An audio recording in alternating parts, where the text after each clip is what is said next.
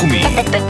בינתחומי. 106.2 FM. הרדיו הבינתחומי. הרדיו החינוכי של המרכז הבינתחומי. לקום ישראל. 106.2 FM. הטרוריסט, מאחורי הקלעים של עולם הטרור והביטחון. פודקאסט מבית המכון למדיניות נגד טרור במרכז הבינתחומי, עם דן גנור. אז ברוכים הבאים לעוד פרק של הטרוריסט, לי קוראים דן גנור, אמ, והיום אנחנו שוב מארחים את פרופסור בועז גנור, ראש המכון למדיניות נגד טרור באוניברסיטת רייכמן, ICT. מה שלומך? תודה רבה. טוב להתארח בתוכנית שלך שוב. דן. שוב ושוב. שוב ושוב. לא, זה הופך להיות פינה קבועה כמו שאתה רואה. התענוג שלי. אז היום אנחנו נדבר, אה, בעצם פעם שעברה דיברנו על איום הגרעין האיראני, נכון. האיום אולי הכי אה, משמעותי מבחינת העוצמה שלו כלפי ישראל היום. והיום הייתי רוצה שנדבר על איום אה, אולי לא פחות בחשיבותו ואולי אפילו יותר אה, ריאלי להפעלה, וזה חיזבאללה.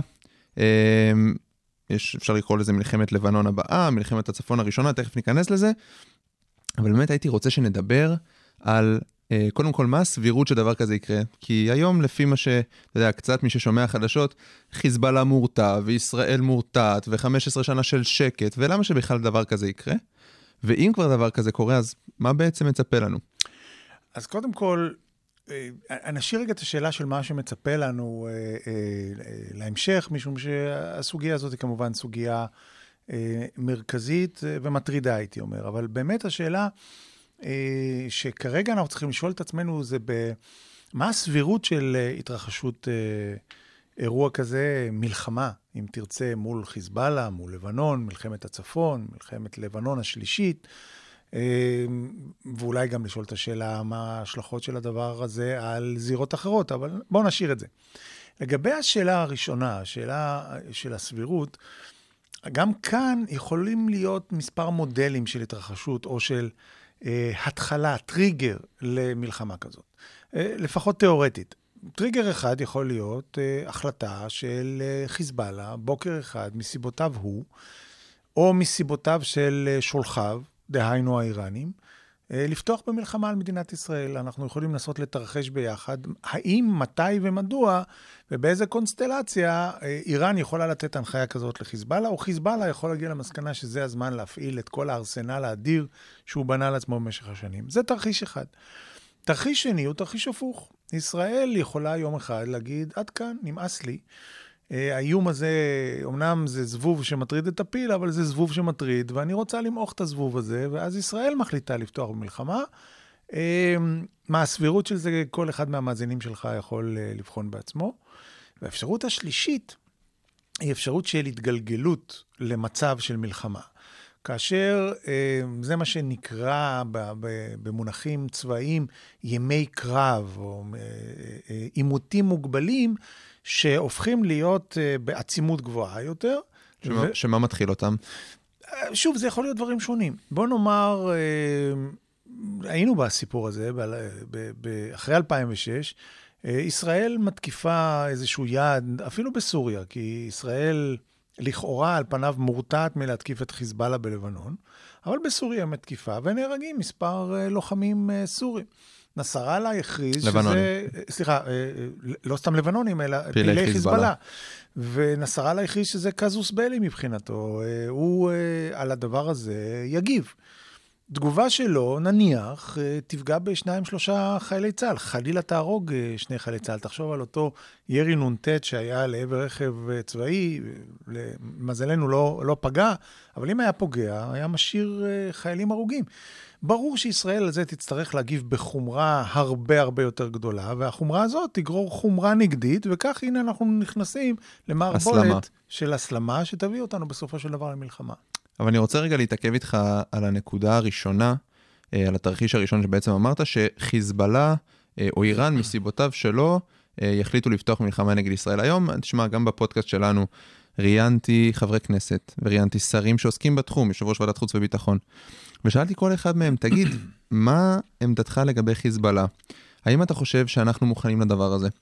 ורובם ככולם אמרו לי, תשמע, זה יהיה מלחמה קשה, במיוחד לעורף, אבל אנחנו לא צופים שדבר כזה יקרה. זאת אומרת, אין היום אינטרסים לשני הצדדים כמובן לא דיברו על ישראל, אבל הם דיברו על חיזבאללה, אין אינטרס לחיזבאללה שמעורב בחיי הלבנונים עד צוואר, שזה כל מה שמעניין אותו, ממש לא אכפת לו, לא, לא דחוף לו להתחיל מלחמה עם ישראל.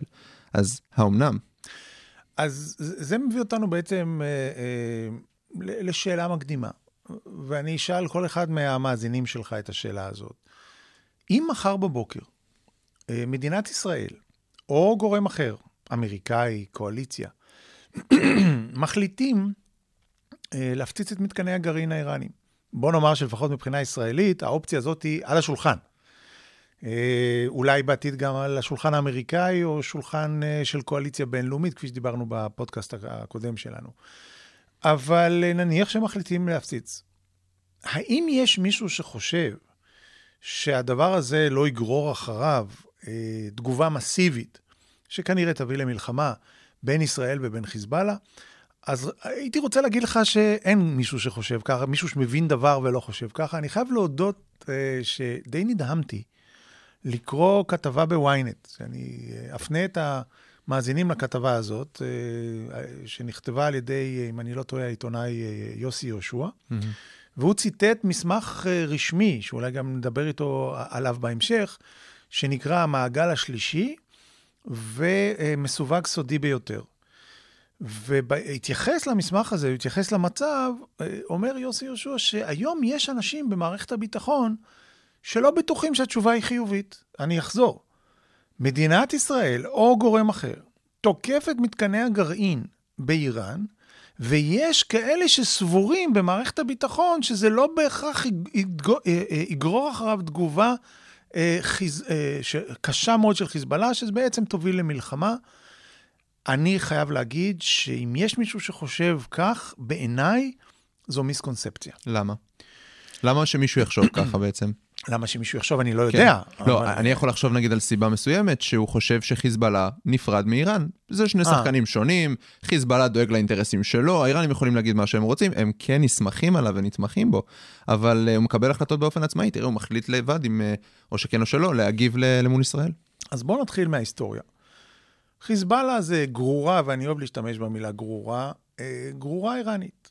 היא נוצרה על ידי איראן מהיום הראשון, מאחרי המהפכה של חומייני. תחת הכותרת של חומני, אה, שהייתה בעצם דירקטיבה אה, לייצא את המהפכה האיראנית למרכזים שיעים שונים בעולם, המקום הראשון שהם זיהו זה היה לבנון, והם זיהו את הקהילה השיעית בלבנון כמאתר הנוח ביותר אה, להקים את הזרוע הארוכה שלהם, והם עודדו את אותה קבוצה, שבהתחלה קראו להם בכל מיני שמות, המדוכאים עלי אדמות ואחרים, הם עודדו אותם להילחם בתנועה הרשמית באותו זמן, השיעית, שזה היה אמל. וכמובן, בסיוע צבאי, איראנים בסופו של דבר הביסו את תנועת אמל, ועם הזמן הפכו להיות התנועה הדומיננטית. קודם כל בעדה השיעית, אבל אחר כך היום התנועה הדומיננטית בכלל בלבנון, יש אומרים שהרבה יותר חזקה מצבא לבנון עצמו.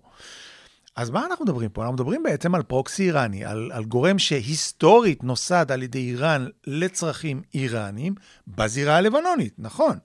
על ידי גורמים שהם לבנונים, נכון. אבל לקדם את, ה, אה, אה, את איראן, ואני אגיד יותר מזה. האיראנים מאז השקיעו מיליארדי דולרים, יש אומרים מיליארד דולר בשנה, מיליארדי דולרים בהבניה של חיזבאללה כתנועה, כארגון וכצבא, צבא שהוא צבא איראני לכל דבר. אמ, והיום, אנחנו ניגע בזה, לחיזבאללה יש ארסנל חסר תקדים. אה, לא רק חסר תקדים במזרח התיכון, אין שום גוף שהוא תת-מדינתי, אתה יודע, יש מעט מאוד מדינות בעולם שיש להם ארסנל רקטי בהיקף של מעל 150 אלף רקטות, כמו שיש לחיזבאללה. זה לא ארסנל של חיזבאללה, זה ארסנל של איראן.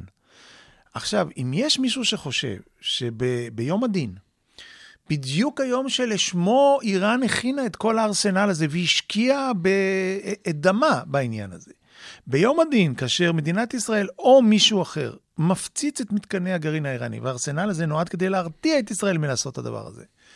אה, האיראנים אומרים להם, זהו זה, פעל, לחץ על הכפתור האדום, תתחיל את המלחמה הזאת, ונסראללה אומר, רגע, מגרגרד בפדחת שלו ואומר, וואלה, לא מתאים לי, לא, לא נוח לי עכשיו.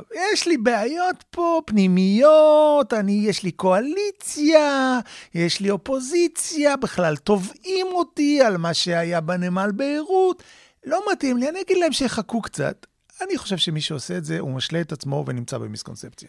אז בואו באמת נדבר על, אה, אחרי הבילדאפ הזה, על באמת מה, מה זה אומר מלחמה אה, עם חיזבאללה של היום, עם חיזבאללה של 2022, ואם זה יהיה יותר מאוחר, שלא יקרה אף פעם, כן? שלא נחשוב שזה, אבל אה, הוא יהיה אפילו יותר חזק. אה, איך דבר כזה בכלל ייראה לאזרח הישראלי, או בכלל בעימות בין צה"ל לחיזבאללה?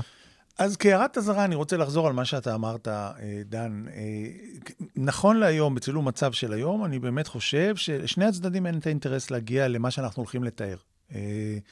מבחינה של, של היריב, של ה-axis of evil, מה שנקרא, חיזבאללה, איראן, כל הארסנל הזה שאנחנו תכף נדבר עליו, ואפילו כל הדוקטרינה של ההתקפה על מדינת ישראל, אם וכאשר זה יתרחש, נועדה להיות בנצור.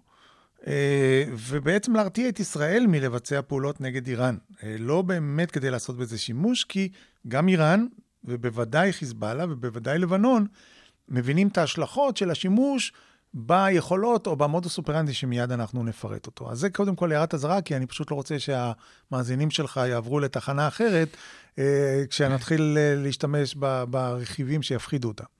אבל יותר ברצינות כרגע, אנחנו מדברים על אה, ארסנל של, אה, של רקטות. רקטות זה, זה למעשה, ב, בניגוד לטילים, זו פצצה טיפשה, אה, מה שנקרא נשק סטטיסטי. יורים אותה לאזור כללי, והיא תפגע באזור כללי, או שלא תפגע באזור כללי. אז כשמדובר על בודדים, על עשרות, אפילו אולי על מאות לאורך המערכה, אוקיי, בסדר, היינו, יש לנו כיפת ברזל, יודעת לטפל בדברים האלה, יפה מאוד, אה, ובסך הכל אנחנו די מוגנים. וחיזבאללה למד את העניין, איראן למ- למדו את העניין, ולכן הם יצרו ארסנל של אה, רקטות, של ירי סטטיסטי, שיש אה, שיגידו שהוא 100 אלף, יש שיגידו 120 אלף, יש שיגידו 150, יש שיגידו שאפילו יותר מ-150 אלף אה, אה, רקטות. זה בלתי נתפס.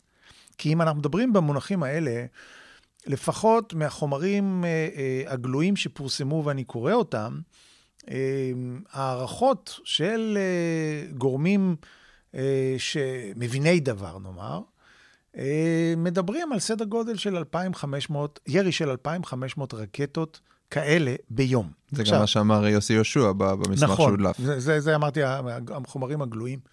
2,500 רקטות ביום. לסבר את האוזן, בכל שומר החומות היו קצת מעל 3,000 רקטות שנורו במשך עשרה ימים, לא ביום 2,500.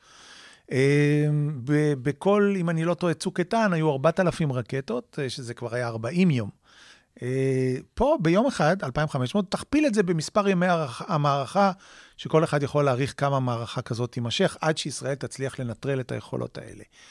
אז 2,500 רקטות כאלה ביום, ועוד דבר, הם מכסים, נכון, לא כולם, אבל חלקם, מכסים את כל שטח מדינת ישראל. זה לא, אנחנו, כשאנחנו רואים מלחמת הצפון, אנחנו רואים את 2006. אנחנו רואים מלחמה קשה מאוד בצפון, ירי רקטי קשה מאוד לצפון. אנחנו רואים אה, אה, כמות של רקטות שנופלות בחיפה, אף קצת דרומית לחיפה. המערכה הבאה תהיה אחרת. היא לא תהיה מלחמת בעדה בעדה. בעדה זה אחרי, אחרי, אחרי. זו הייתה האסטרטגיה של חיזבאללה ב-2006. התחילו, ירו במה שנקרא עוטף גבול הצפון, אחר כך בעדה נכנסו עוד כמה קילומטרים לעומק, בעדה נכנסו למבואות חיפה, בעדה הגיעו לחיפה, בעדה הגיעו לאזורים שהם צפונית לחדרה וכן הלאה וכן הלאה. לפחות אה, צריך לקחת בחשבון שהמערכה הבאה, אה, בגלל ההיקף שלה, היא כנראה לא תהיה מאוד ארוכה. העולם לא יסבול את כמויות הנפגעים בשני הצדדים. אה, ושני הצדדים כנראה מבינים את זה, ולכן היא תהיה מאוד אינטנסיבית מלכתחילה, ולא יהיה את הזמן לפתח מדיניות כזאת של בעדה בעדה לשני הצדדים. אה, אז, אז לכן היקף המערכה הוא היקף אה, ענק, ולא אמרתי כלום עדיין על הטילים המדויקים, שאנחנו יודעים שיש לחיזבאללה, ואנחנו יודעים עוד יותר שחיזבאללה מנסה לפתח את היכולות האלה, או בעצם להפוך את, הט... את הרקטות הטיפשות לטילים מדויקים. הם פיתחו, האיראנים, שוב, ידידינו האיראנים, פיתחו קיטים כאלה שמאפשרים לקחת רקטה טיפשה, לחתוך אותה ולחבר אותה מחדש עם אה, אה, איזושהי מתכונת שהופך אותה לטיל מדויק. טיל מדויק זה אופרה אחרת לגמרי, כי טיל מדויק זה אה, איום על מתקנים קריטיים, כי אתה יכול לכוון אותו. זה איום על בסיסי צה"ל, זה איום על, בסיסי חיל אוויר, זה איום על תשתיות קריטיות, חשמל, מים ואלף ואחת דברים אחרים. וחיזבאללה לא יבחל, בלשון המעטה, מלעשות שימוש אה, לצד הירי הסטטיסטי, גם בירי של רקטות, אה, של טילים מדויקים, כדי לפגוע בשירותים החיוניים, לפגוע ב... מה שנקרא הרציפות התפקודית של המשק הישראלי במהלך מלחמה כזאת.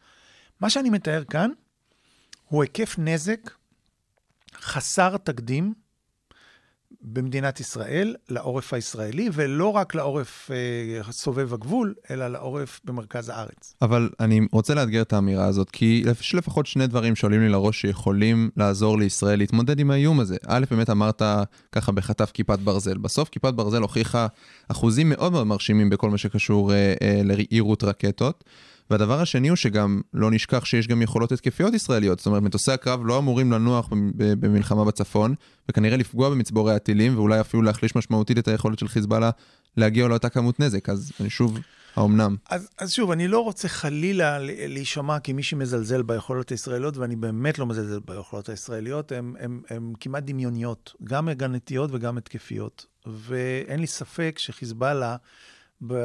בתרחיש הזה שאני מציג אותו כאן, אה, יספוג מנחת זרועה של מדינת ישראל בהיקף חסר תקדים, ולבנון, ואולי גם גורמים אחרים בזירה שיחליטו שהם מצטרפים לפרטיה הזאת, אה, ישלמו מחירים שלא שילמו בעבר. אין לי ספק בכלל בעניין הזה. אה, וזו תשובה ישירה לשאלה של יכולות חיל אוויר. אני חושב שהם יופעלו ויופעלו באופן חסר תקדים, בהינתן תרחיש מהסוג הזה. לגבי היכולות של ההגנה האווירית, כיפות ברזל וכן הלאה, אני לא מכיר מספיק את היכולות ואת התרחישים, אבל אה, אני רוצה, לא רוצה, אני צריך להניח שיש מגבלות של כמויות. ואני חושב שמה שחיזבאללה מנסה לעשות זה בדיוק לשבור את משוואת הכמויות. אגב, אנחנו רואים את זה גם בזירה הדרומית. זאת אומרת, אנחנו ראינו מטחים בהתחלה של בודדים, אחר כך מטחים של עשרה, תריסר. ובסבב האחרון בשומר החומות ראינו מטחים של עשרות רבות של רקטות uh, במקביל, כדי לעקוף את היכולות של כיפת ברזל של מדינת ישראל, שעמד, שעמדה יפה מאוד בסך הכל בהתמודדות הזאת. Uh, אני מניח שחיזבאללה ינסה לעשות מטחים הרבה יותר גדולים מעשרות, והוא ינסה לאתגר את כיפות הברזל. אה, וגם הטווח של הירי הרקטי של חיזבאללה מכסה את כל המדינה, ולכן אתה תצטרך לפרוס את היכולות ההגנה האוויריות שלך בצורה מאוד אה, רחבה ומאוד דקה כדי להגן על אה, מתקנים קריטיים, להגן על האוכלוסייה וכן הלאה.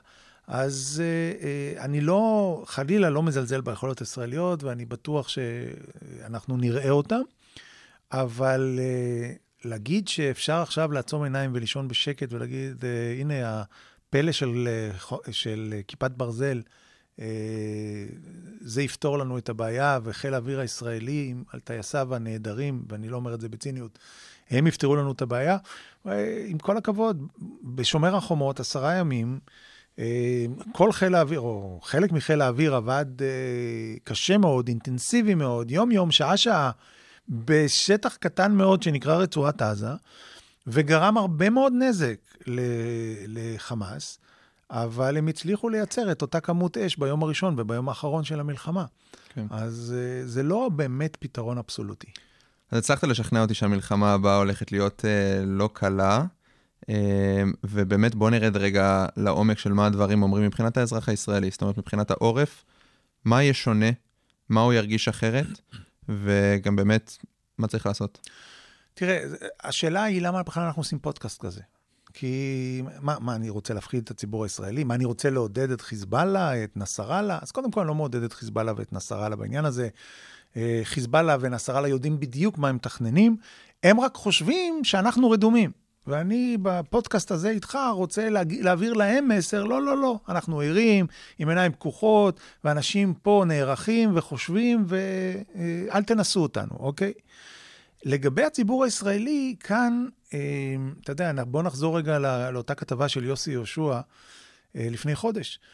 הוא מסיים את הכתבה אחרי שהוא מתאר את ההערכות של הגורמים הרשמיים במדינת ישראל, ש... שהוא מתאר אותם. הוא מסיים את המערכה והוא אומר, אבל מערכת הביטחון מתחבטת בשאלה האם ואיך לתווך את המידע הזה לציבור. ואני חושב שזה חיוני לתווך את המידע הזה לציבור, ואני חושב שהפודקאסט הזה מתווך את המידע הזה לציבור. מדוע?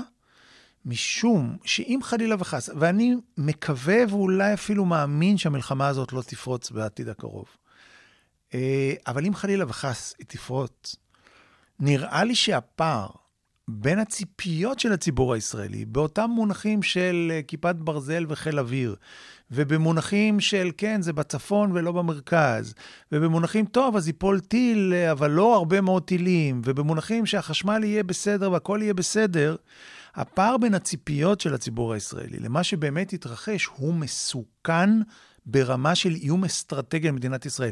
לא הטילים של חיזבאללה מסוכנים כאיום אסטרטגי למדינת ישראל, הפער בין מה שהציבור הישראלי חושב שיקרה ובין מה שיקרה.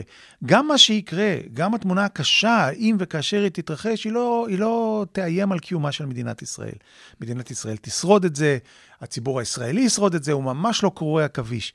אבל חייבים להכין את הציבור הישראלי גם מנטלית. אתה יודע, ב-2019 היה כאן, במרכז הבינתחומי, באוניברסיטת רייכמן, היה הרמטכ"ל, ונתן נאום, פה, ממש כאן, בקמפוס הזה, ופתח ואמר, המלחמה הבאה תהיה מאוד קשה לעורף, וצריך להגיד את זה. ככה הוא אמר, אני מצטט אותו, גם פיזית וגם מנטלית הציבור צריך להיות ערוך לזה. אז קודם כל צריך מנטלית, וזה להקשיב לפודקאסט הזה שלך, ולהבין, ואחר כך לתרגם את ההבנה הזאת לא לפחד, אלא לעשייה. ומה זה עשייה? עשייה זה קודם כל להיערך ברמה הביתית. אנחנו צריכים שכל משק בית במדינת ישראל ידע להתנהל בחירום, יהיה מוכן לחירום הזה, שזה מספר ימים של אספקה, של חשמל, סליחה, של מים, של אוכל, של תרופות, של מה שמשפחה צריכה, עד שבאמת יגיעו המערכים הלאומיים ויסייעו וכן הלאה. והדבר השני, וזה מה שהמכון למדיניות נגד טרור עושה זה שלוש שנים, אנחנו מתחילים את זה ממש פיזית בהרצליה, בנינו מתודולוגיה שבעצם בונה היערכות חירום ברמת השכונה וברמת הרובע על ידי מתנדבים. בעיקר פנסיונרים צעירים, כאלה שלא מגויסים לצה"ל, אבל מסוגלים עוד לעשות דברים משמעותיים. אני מדבר על רופאים, אני מדבר על אחיות, אני מדבר על אנשים שיהיו מסוגלים אפילו לעשות פעולות חילוץ והצלה בכלים טכניים של לואו-טק ולא של הייטק במובן הזה. ואינשאללה יגיעו גם מערכי החירום הלאומיים ויבואו לעזור ולסייע ולעשות מה שצריך. אבל מה, ש... אבל מה שאתה אומר, לא, לא צריך להילחץ מזה, זאת אומרת, הרי זה כנראה לא איום שלפתחנו מחר בבוקר, נכון. אבל האיום הזה חייב להיות לנו בראש ולהתחיל להיערך אליו, המדינה צריכה להתחיל לעודד את האנשים להיערך אליו בצורה אה, אה, אקטיבית. אה, כדי שנוכל להיות ערוכים לזה, לפחות מחשבתית. דן, אתה לא גילית לשומעים שלך שאנחנו אב ובן. את זה אתה נכון. לא גילית לשומעים שלך. אני עוד לא גיליתי להם מה, מה קורה במקלט הביתי שלנו. גם את כל... זה אתה עוד לא גילית להם. נכון. אבל מה שאני אגלה, שכשעשיתי את השבתון הראשון בסטנפורד, אה, אתה היית בכיתה ה'. נכון. ואתה, דבר ראשון שבאת, ביום הראשון של הלימודים, באת עם פתק שקיבלנו מהבית ספר, שהיה כתוב שם איך צריך להיערך לרעידות אדמה. מה צריך לשלוח איתך לבית הספר כדי שיהיה לך איזושהי, אה, איזה חתיכת אוכל וכן הלאה, אם יהיה פעולת חירום. ברעידות אדמה זה דבר די נפוץ באזור קליפורניה, ו- ולא מפחדים האנשים להיערך עם פרוטוקול, עם בדיוק מה שצריך לעשות. אני חושב שההנהגה הישראלית לא צריכה לפחד לדבר, לדברר, לתווך לציבור הישראלי את האיום, כמובן, במידה, בלי הפחדה, ולהנחות את הציבור מה צריך להיות בכל בית ליום, אה, ליום מהסוג הזה, כי אם אין אני לי מי לי. אתה מרשה לסיים בשאלה קשה? עד עכשיו לא היו שאלות קשות. אמ, אם אני נסראללה, ואני שומע שמדינת ישראל והאזרחים שלה נערכים, האם זה לא ממש מה שנקרא חומר בעירה בשבילי לבוא ולהגיד, תראו, הישראלים מפחדים. נכון. הם ממש מפחדים, הם כבר נכנסים למחילות שלהם עוד שנייה. אני כאזרח ישראלי הייתי ממש לא רוצה לתת לו את התחושה הזאת. כן, אבל זה פטפטת. וזה אה, מה שנקרא אה, לוחמה פסיכולוגית. אין לי ספק שאם באמת המדינה תפעל כמו שאני מציע, זה יהיה אה, אה, לחמניות טריות בידיים של נסראללה, והוא יגיד, תראו איך הם מפחדים, ויעשה שרירים ו- וכל מיני אה, חיוכים בדרשת יום השישי שלו מהמקלט העמוק שבו הוא נמצא. אין לי ספק. אבל כשהוא יש- יסגור את הטלוויזיה וישב עם ההנהגה שלו, הוא יגיד, רגע, רגע, רגע, יש פה שובר שוויון. אנחנו יודעים מה הכנו להם, אנחנו יודעים איזה מבולקה העורף הישראלי נמצא, והנה הם נערכים, אולי לא כדאי לנו להתחיל איתם, גם בהקשר הזה, לא רק בהקשר של ההתקפה הישראלית, גם בהקשר של הגנה ישראלית, אולי כדאי לא לחשוב על הרעיון הזה של לבצע פעולות מהסוג הזה. פרופסור בועז גנור, שמחתי שוב, תודה רבה לך. ניפגש. תודה. תודה רבה שהצטרפתם לעוד פרק של הטרוריסט. את הפרק הזה ושאר הפרקים שלנו אפשר למצוא בספוטיפיי, באפל פודקאסט ובאתר הרדיו הבינתחומי. אני הייתי דן גנור, איתי בצוות עורך התוכן ניר ג'רסי. נתראה בפעם הבאה.